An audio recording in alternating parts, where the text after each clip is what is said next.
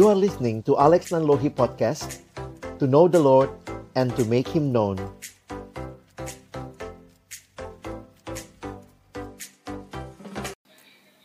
Mari sama-sama Bapak Ibu sekalian kita berdoa sebelum kita membaca merenungkan firman Tuhan. Kami sungguh bersyukur kepadamu ya Tuhan buat kesempatan ibadah yang kau berikan kepada kami sekali lagi.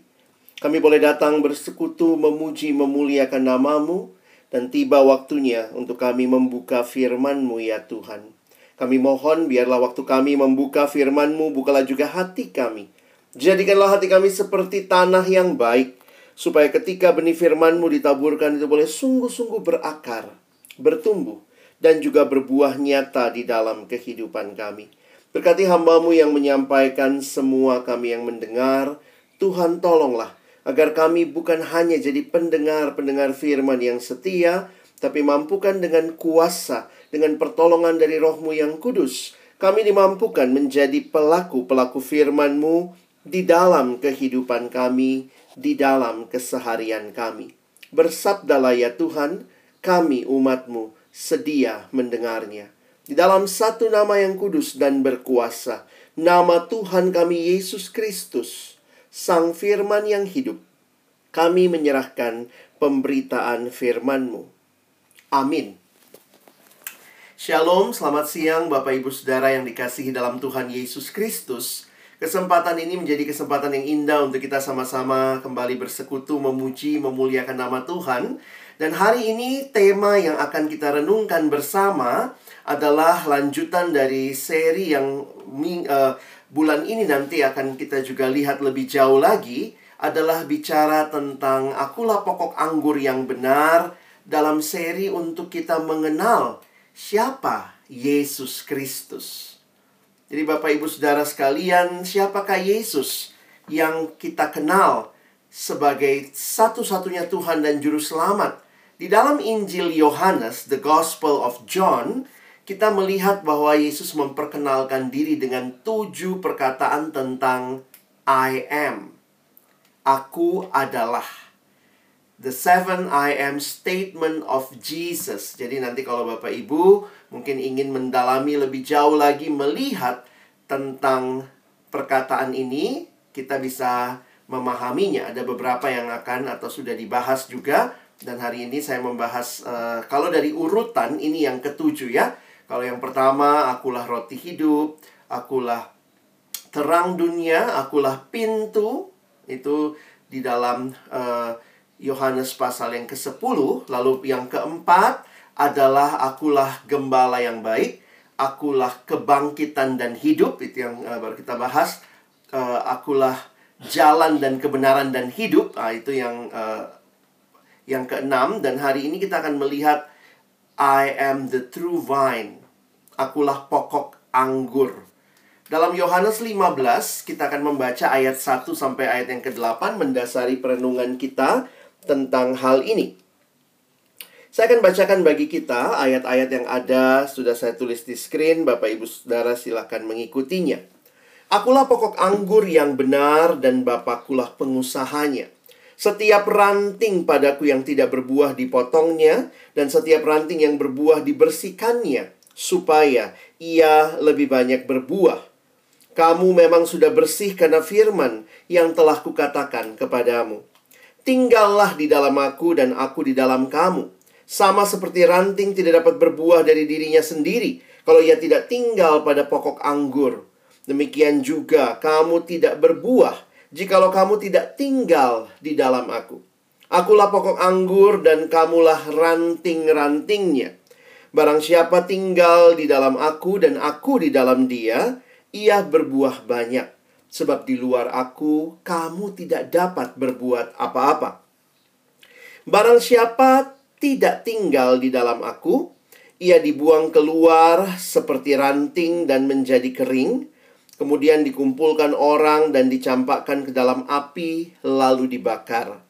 Jikalau kamu tinggal di dalam aku dan firmanku tinggal di dalam kamu, mintalah apa saja yang kamu kehendaki dan kamu akan menerimanya.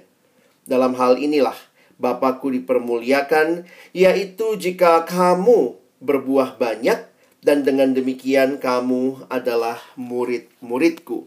Sedemikian jauh pembacaan firman Tuhan, berbahagialah kita yang bukan hanya membacanya, tetapi juga merenungkannya, melakukan dalam hidup kita, dan bahkan membagikannya. Bapak Ibu Saudara yang dikasihi Tuhan, berbeda dengan tiga Injil sinoptik atau uh, Injil yang uh, lebih mirip ya, Matius, Markus, dan Lukas, maka Injil Yohanes sifatnya lebih teologis. Dan juga ada tujuan penulisan Injil Yohanes yang bisa kita pahami waktu kita membaca Yohanes pasal 20 ayat 30 sampai 31. Sehingga kita melihat bagaimana Rasul Yohanes menuliskan memang masih banyak tanda lain yang dibuat Yesus di depan mata murid-muridnya yang tidak tercatat dalam kitab ini, tetapi semua yang tercantum di sini telah dicatat. Nah, perhatikan ini tujuannya ya.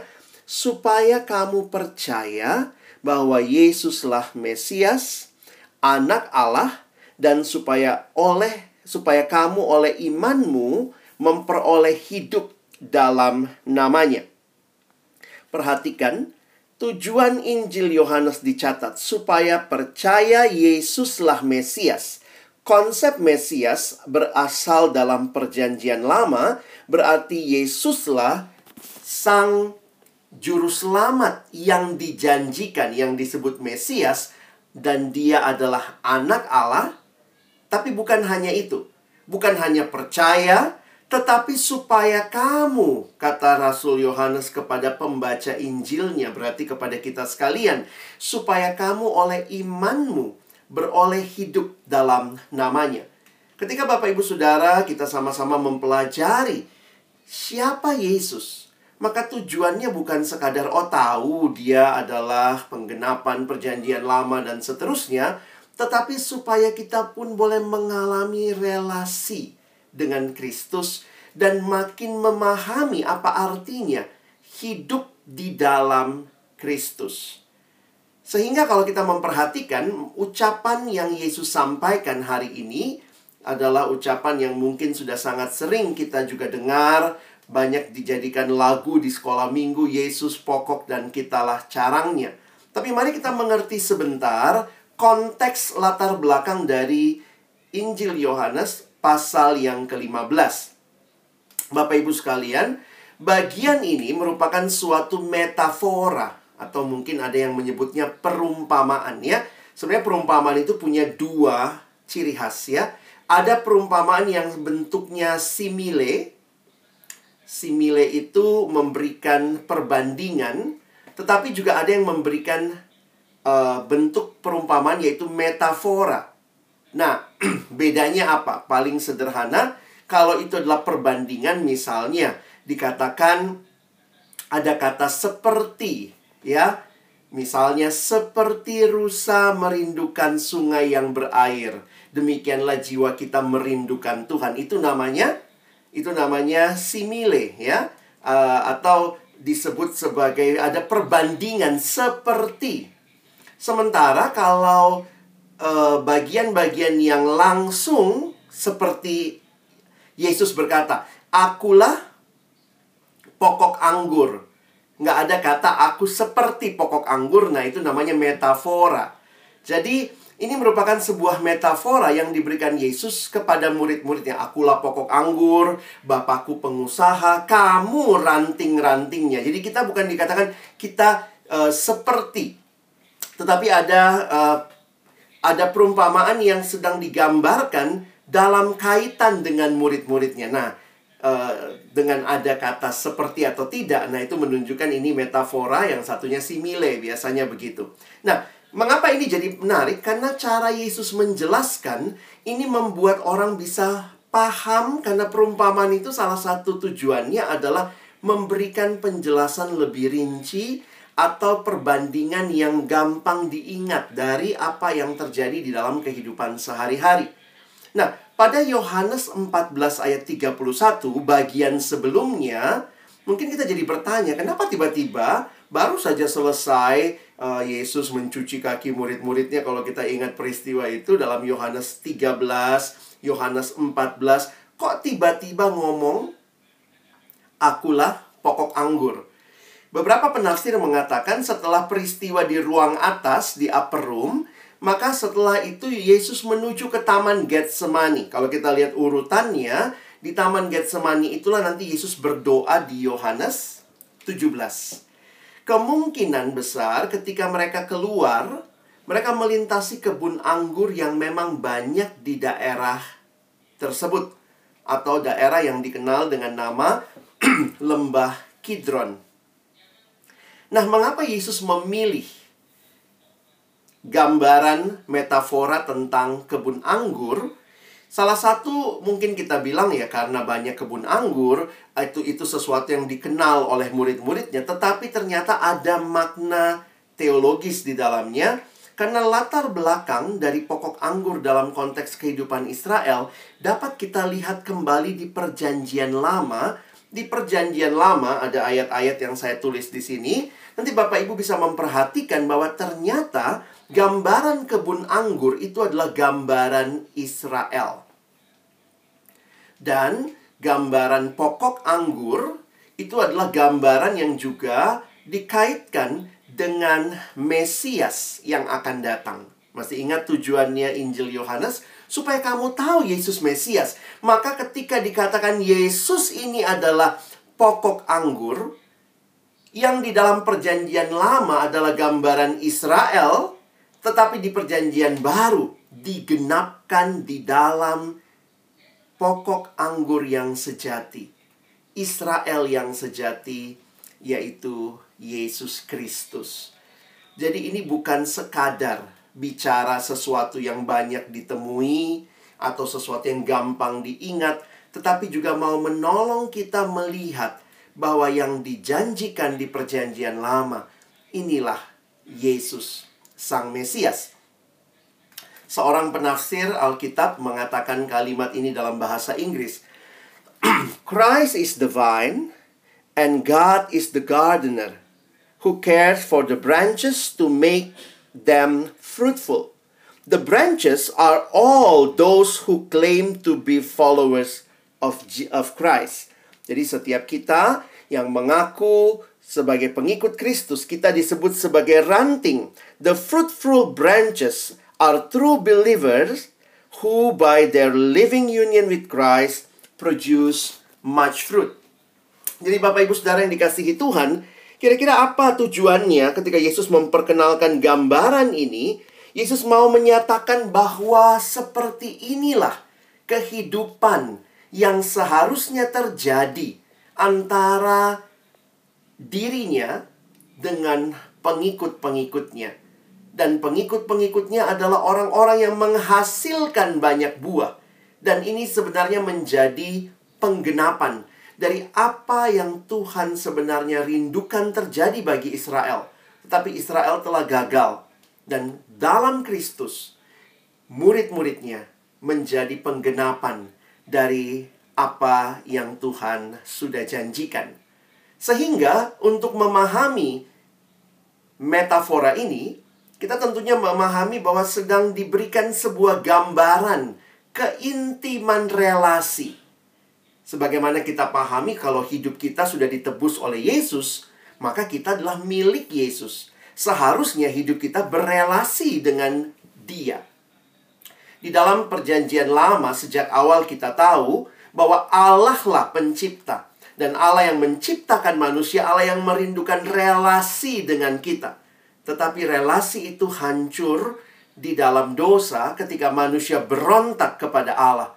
Karena itu saya setuju dengan kalimat yang disampaikan oleh seorang teolog bernama Nicky Gamble. Dia berkata begini, pria dan wanita diciptakan untuk hidup dalam hubungan dengan Allah. Jadi itu sejak awal default setting kita, Bapak Ibu Saudara, kita dicipta untuk hidup dalam hubungan dengan Allah. Tanpa hubungan tersebut akan selalu ada rasa lapar, sebuah kekosongan, dan sebuah perasaan yang hilang karena itu tidak ada satupun hubungan manusia yang dapat memuaskan atau dapat terus bertahan. Ini dua ciri relasi yang saudara dan saya cari sebenarnya. Kita selalu cari relasi yang memuaskan Dan kita juga selalu cari relasi yang terus bertahan. Tetapi kan realitanya nggak begitu ya. Selalu akan ada sesuatu yang hilang selama itu relasinya manusia ya. Misalnya, nggak ada manusia yang tidak bisa meninggal. Tidak ada orang tua kita nggak bisa meninggal. Pasangan kita nggak bisa meninggal sehingga dapat terus bertahan. Semua relasi kita sifatnya terbatas. Baik secara waktu, secara kapasitas, dan seterusnya.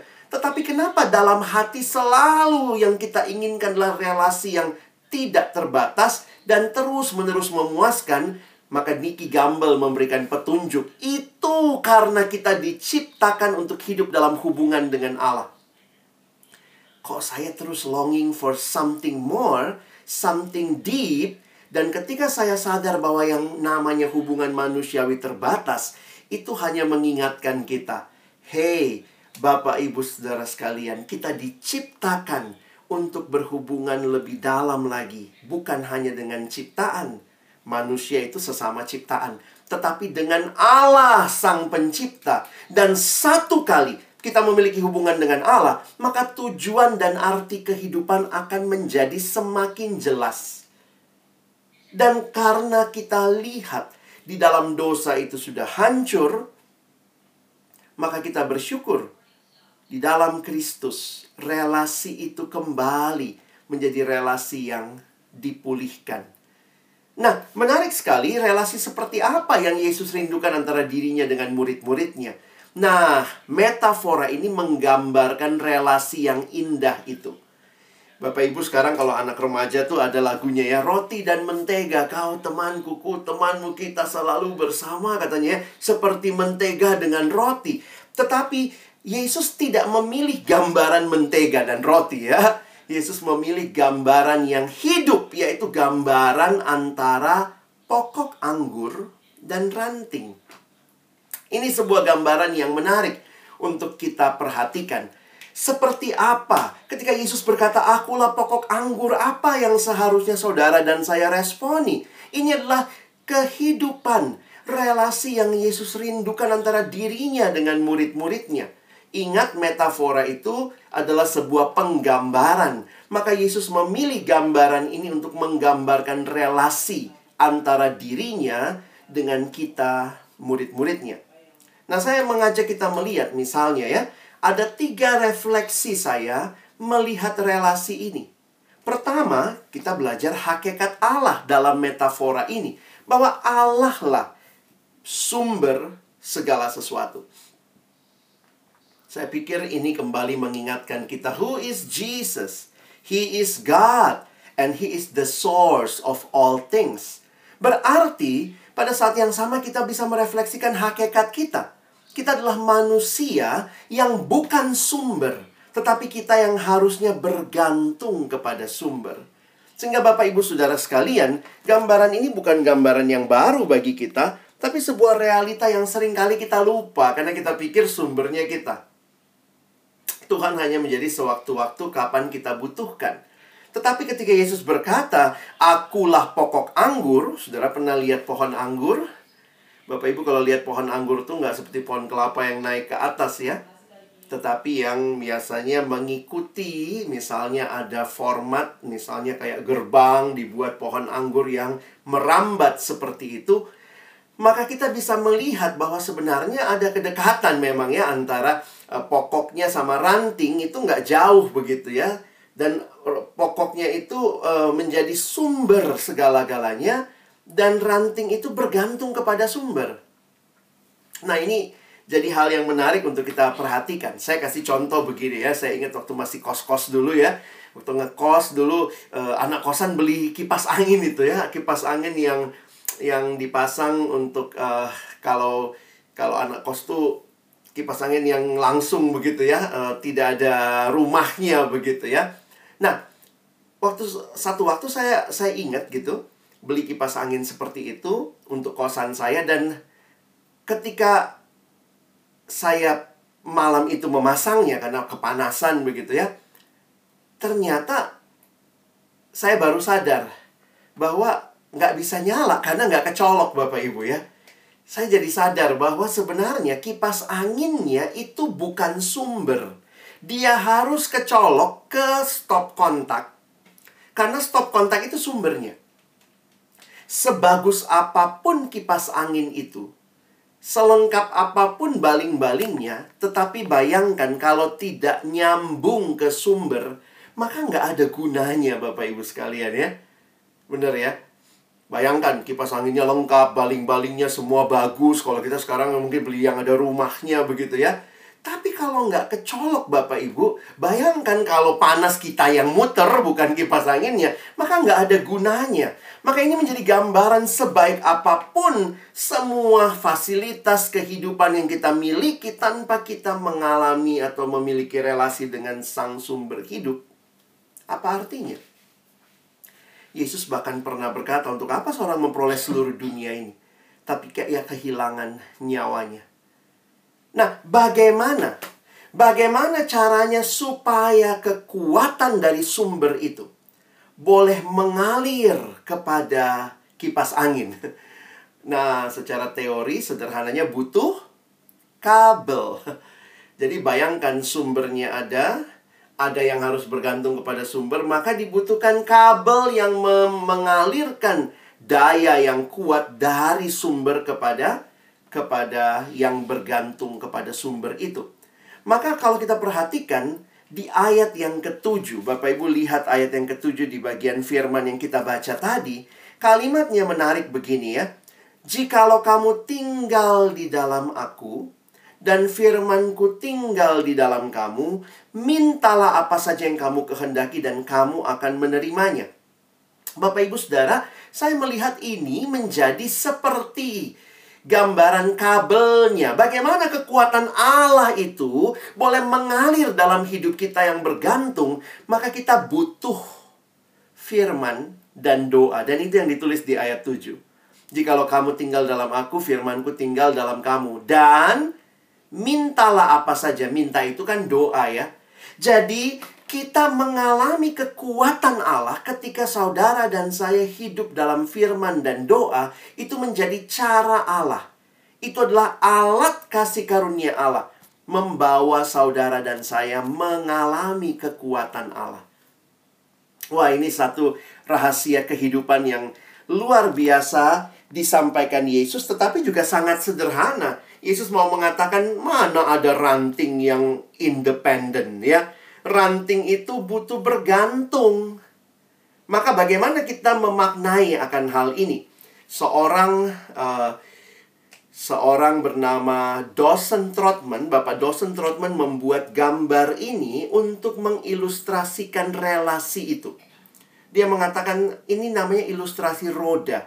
Sama seperti sebuah roda, roda itu kan yang muter porosnya ya. Maka di pusat hidup harus ada Kristus. Tetapi sesudah itu harus ada relasi. Ini digambarkan dengan dua jari-jari. Satu jari-jari yang vertikal, hubungan dengan Allah. Satu jari-jari yang horizontal, hubungan dengan sesama. Kita lihat dulu hubungan dengan Allah. Hubungan dengan Allah, saya bicara sama Allah, namanya doa. Allah bicara kepada kita melalui firman. Maka tidak heran firman dan doa menjadi kebutuhan orang percaya jika ingin mengalami kekuatan dari Tuhan. Yang kedua, perhatikan jari-jari yang horizontal. Ini adalah hubungan dengan sesama. Ada dua macam. Dengan sesama orang percaya, ini ke dalam kita harus rajin bersekutu. Bagaimana dengan mereka yang belum percaya? Maka kita keluar menjadi saksi maka relasi yang horizontal pun harus dibangun. Maka kalau kita mau menikmati akulah pokok anggur yang benar yang Yesus sampaikan, maka bangunlah hidup saudara yang berelasi dengan Tuhan, bangunlah hidup saudara yang berelasi juga dengan sesama.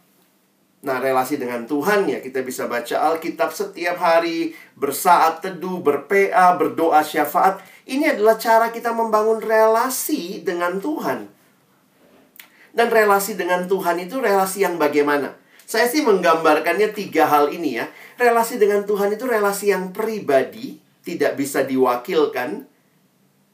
Yang kedua, continue. Dan yang ketiga, konsisten. Kadang kita suka bercanda ya, eh sorry nih nggak datang nggak datang persekutuan hari ini, sorry nggak datang gereja hari ini. Titip ya doa ya. Kadang kita suka bercanda begitu ya. Relasi dengan Tuhan nggak bisa diwakilkan saudara. ini sama kayak orang bernapas ya. Saya pikir Tuhan ngajarin kita tuh relasi lewat kehidupan ya. Kalau Bapak Ibu bernafas, nafas itu kan pribadi ya. Nggak ada nafasnya diwakilkan orang lain, nggak ada ya pribadi, kontinu dan konsisten sama kayak makan. Kita juga makan begitu. Kadang-kadang saya mikir kenapa ya Tuhan ciptakan kita jadi manusia yang harus makan. Makan itu harus pribadi, jangan diwakilkan ya. Kontinu dan konsisten. Nah, demikian juga relasi dengan Tuhan. Karena ada yang nanya, kita mesti relasinya dengan Tuhan seperti apa? Apakah seperti saudara-saudara kita dengan jam-jam tertentu mereka harus lakukan ibadah, tetapi kita melakukannya di dalam penghayatan kita butuh satu kebergantungan terus-menerus kepada Tuhan, sama seperti bernapas. Kalau napas itu kita ada ritmenya, tarik, lepas. Jangan tarik, nggak lepas, tahan, begitu ya, nggak bisa, saudara. Maka dalam kehidupan, kita butuh Tuhan setiap waktu. Makanya kalimatnya apa? Yesus berkata, "Di luar aku, kamu tidak dapat berbuat apa-apa." Satu pagi saya datang ke tempat pelayanan kami dan kemudian ada satu adik yang senang cerita. Waktu itu dia cerita sama saya. Dia bilang, "Kak Alex, Kak Alex, dia anak kos di Jakarta." Jadi di rumah biar nggak kesepian kali ya, di kosannya dia pelihara ikan mas Bapak Ibu sekalian dan dia beli akuarium kecil, dia taruh beberapa ekor ikan mas di dalamnya. Satu pagi ketika saya datang, tiba-tiba dia bilang, Kak Alex, bayangkan Kak, tadi malam ikan mas saya bunuh diri. Ternyata dia menemukan besok paginya ada dua ekor ikan mas yang sudah mati di atas karpet ya. Makanya dia bilang bunuh diri karena ada dua ikan mas yang lompat keluar dari akuarium. Bapak Ibu Saudara lah kami kemudian membahas ya agak bercanda sedikit ini nih kayaknya ikan yang nggak disetujui cintanya sama orang tua ya. Jadi lompat berdua. Tapi inti dari percakapan kami hari itu. Ikan paling butuh air. Meskipun ikannya lahir di zaman reformasi, dia nggak bisa bilang, oh maaf, saya ikan reformasi. Saya tidak butuh air, lalu dia lompat keluar dari air. Maka jangan lupa waktu dia lompat keluar dari air, ikan itu sudah MPP Bapak Ibu ya. Mati pelan-pelan. Jadi ini jadi menarik untuk kita perhatikan. Banyak orang berpikir Dia bisa hidup di luar kehendak Tuhan Di luar kebergantungan kepada Tuhan. Mungkin kelihatannya hidup sementara. Sama seperti ikan itu Kalau lompat keluar masih kelihatan Wah menggelepar sebentar. Nggak lama kok. Tapi kemudian akan mati Inilah kehidupan yang menjadi pertanyaan bagi kita. Who is Jesus for us? Is he the source of everything for our life? And that is why we need to have a deep relationship with him in our daily life. Sehingga tidak heran uh, metafora ini Yesus menutupnya dengan kalimat ini. Dalam hal inilah Bapakku dipermuliakan yaitu jikalau kamu berbuah banyak dan dengan demikian kamu adalah murid-muridku. Kadang-kadang kita orang Kristen banyak klisenya ya. Wah, apa tujuan hidupmu memuliakan Allah? Pertanyaannya, memuliakan Allah bagaimana? Yaitu jikalau kamu berbuah banyak. Perhatikan istilah yang Yesus pakai. Bukan cuma berbuah, tetapi berbuah banyak. Bapa dipermuliakan kalau kita berbuah banyak. Tetapi, bagaimana supaya kita berbuah banyak? Itulah yang kita sudah jawab tadi. Hanya kalau kita tinggal di dalam pokok anggur itu. Karena itu perhatikan, dengan tinggal pada pokok anggurlah kita dapat berbuah banyak. Namun buah tersebut bukanlah semata-mata usaha kita. Tapi kalau kita sadari, itu sumbernya dari Allah. Karena itu harusnya kita pun memuliakan Allah dengan buah-buah yang kita hasilkan. Bapak Ibu, muncul pertanyaan, apa sih artinya berbuah itu, Pak Pendeta? Dalam satu buku yang saya baca, saya coba simpulkan sederhana begini ya. Berbuah banyak ada dua hal sebenarnya. Pertama, buah dalam hidup kita secara pribadi. Jadi kadang-kadang kita bicara buah selalu bicara tentang orang lain. Tahan dulu. Buah yang pertama dan terutama dalam hidup kita secara pribadi. Karakter kita makin mirip Kristus nggak? Kalau saya makin tinggal dalam firman, tinggal dalam doa, dalam persekutuan dengan Tuhan, dengan sesama, apakah saya makin seperupa Kristus? Saya makin mengalami atau menghasilkan buah roh? Buah roh itu kasih, sukacita, damai sejahtera. Bapak Ibu ada di pelayanan publik sektor yang justru bagi saya kadang-kadang saya kalau pergi ke tempat-tempat orang uh, pelayan publik itu kan banyak ya uh, di di dinding itu ya. Nilai-nilai apa yang dibutuhkan. Kadang-kadang saya pikir ini kok nilainya Kristen semua ya? Uh, kerendahan hati disiplin rajin baik gitu ya ramah. Itu sesuatu yang sangat sangat alkitabiah buah roh itu ya sehingga kalau saudara mau berbuah di dalam konteks pelayanan saudara, ya ikut hidup dalam Tuhan itu kuncinya kali ya. Bukan cuma ikut training, tahu nilai budaya perusahaan, budaya kerja kita, budaya kantor kita, tapi kita mengalami inilah hidup orang percaya. Sehingga kalau hidup secara pribadi kita menghasilkan buah, maka ada buah lain juga yang menjadi buah yang kita bagikan bagi hidup orang lain ada pertobatan, ada perubahan hidup. Hidup yang disentuh oleh hidup yang berbuah akan menghasilkan buah lagi. Pelayanan yang akhirnya semakin baik. Sehingga ketika semua ini terjadi, apa yang menjadi akhirnya? Ya Tuhan dipermuliakan.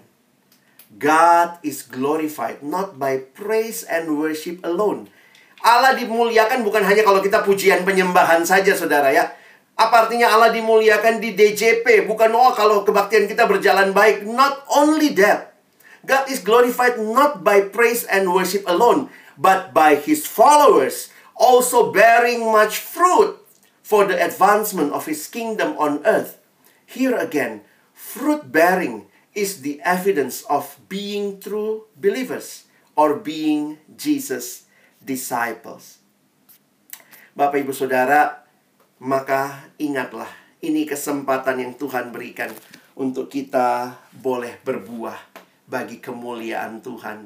Kehadiran Bapak Ibu di sektor pelayanan publik, tapi juga ingat kita adalah orang percaya yang hadir di dalam keluarga kita, di dalam masyarakat, di dalam gereja, sehingga ini harusnya menyatu ya. Jangan di kerjaan aja kelihatannya Eh, profesional, tetapi bagaimana secara menyeluruh kehidupan kita. Hanya ketika kita tinggal di dalam Tuhan, yang kita kenal Dia adalah pokok anggur yang benar, maka kita akan berbuah, dan buah itu menjadi kemuliaan bagi Tuhan. Saya rindu firman Tuhan ini boleh memotivasi kita untuk makin kenal Tuhan, makin hidup di dalam Dia, makin diubahkan serupa dengan Dia, makin menghasilkan buah yang akhirnya juga membawa kehidupan bagi orang-orang di sekitar kita. Kiranya Tuhan menolong kita, bukan hanya jadi pendengar firman, tetapi menjadi pelaku-pelaku firman-Nya. Amin. Mari berdoa. Tuhan terima kasih buat firman-Mu. Kami sungguh memohon kiranya Tuhan menolong agar kami makin hidup menyadari kebergantungan kami kepadamu. Waktu-waktu kami untuk membaca, merenungkan firman Tuhan, untuk bersekutu seperti ini biarlah menjadi waktu-waktu terindah yang kami prioritaskan sehingga menjadi relasi yang pribadi, continue, konsisten dan kerinduan kami. Hidup kami makin menghasilkan buah bagi kemuliaan Tuhan dan juga menjadi berkat bagi banyak orang. Hamba sungguh rindu saudara-saudaraku, Bapak Ibu sekalian, orang-orang percaya yang ada di setiap tempat. Kiranya Tuhan menolong kehadiran kami sungguh menjadi berkat, membawa perubahan bagi kemuliaan nama Tuhan. Kami menutup firman-Mu dalam nama Tuhan Yesus Kristus kami sudah berdoa. Amin.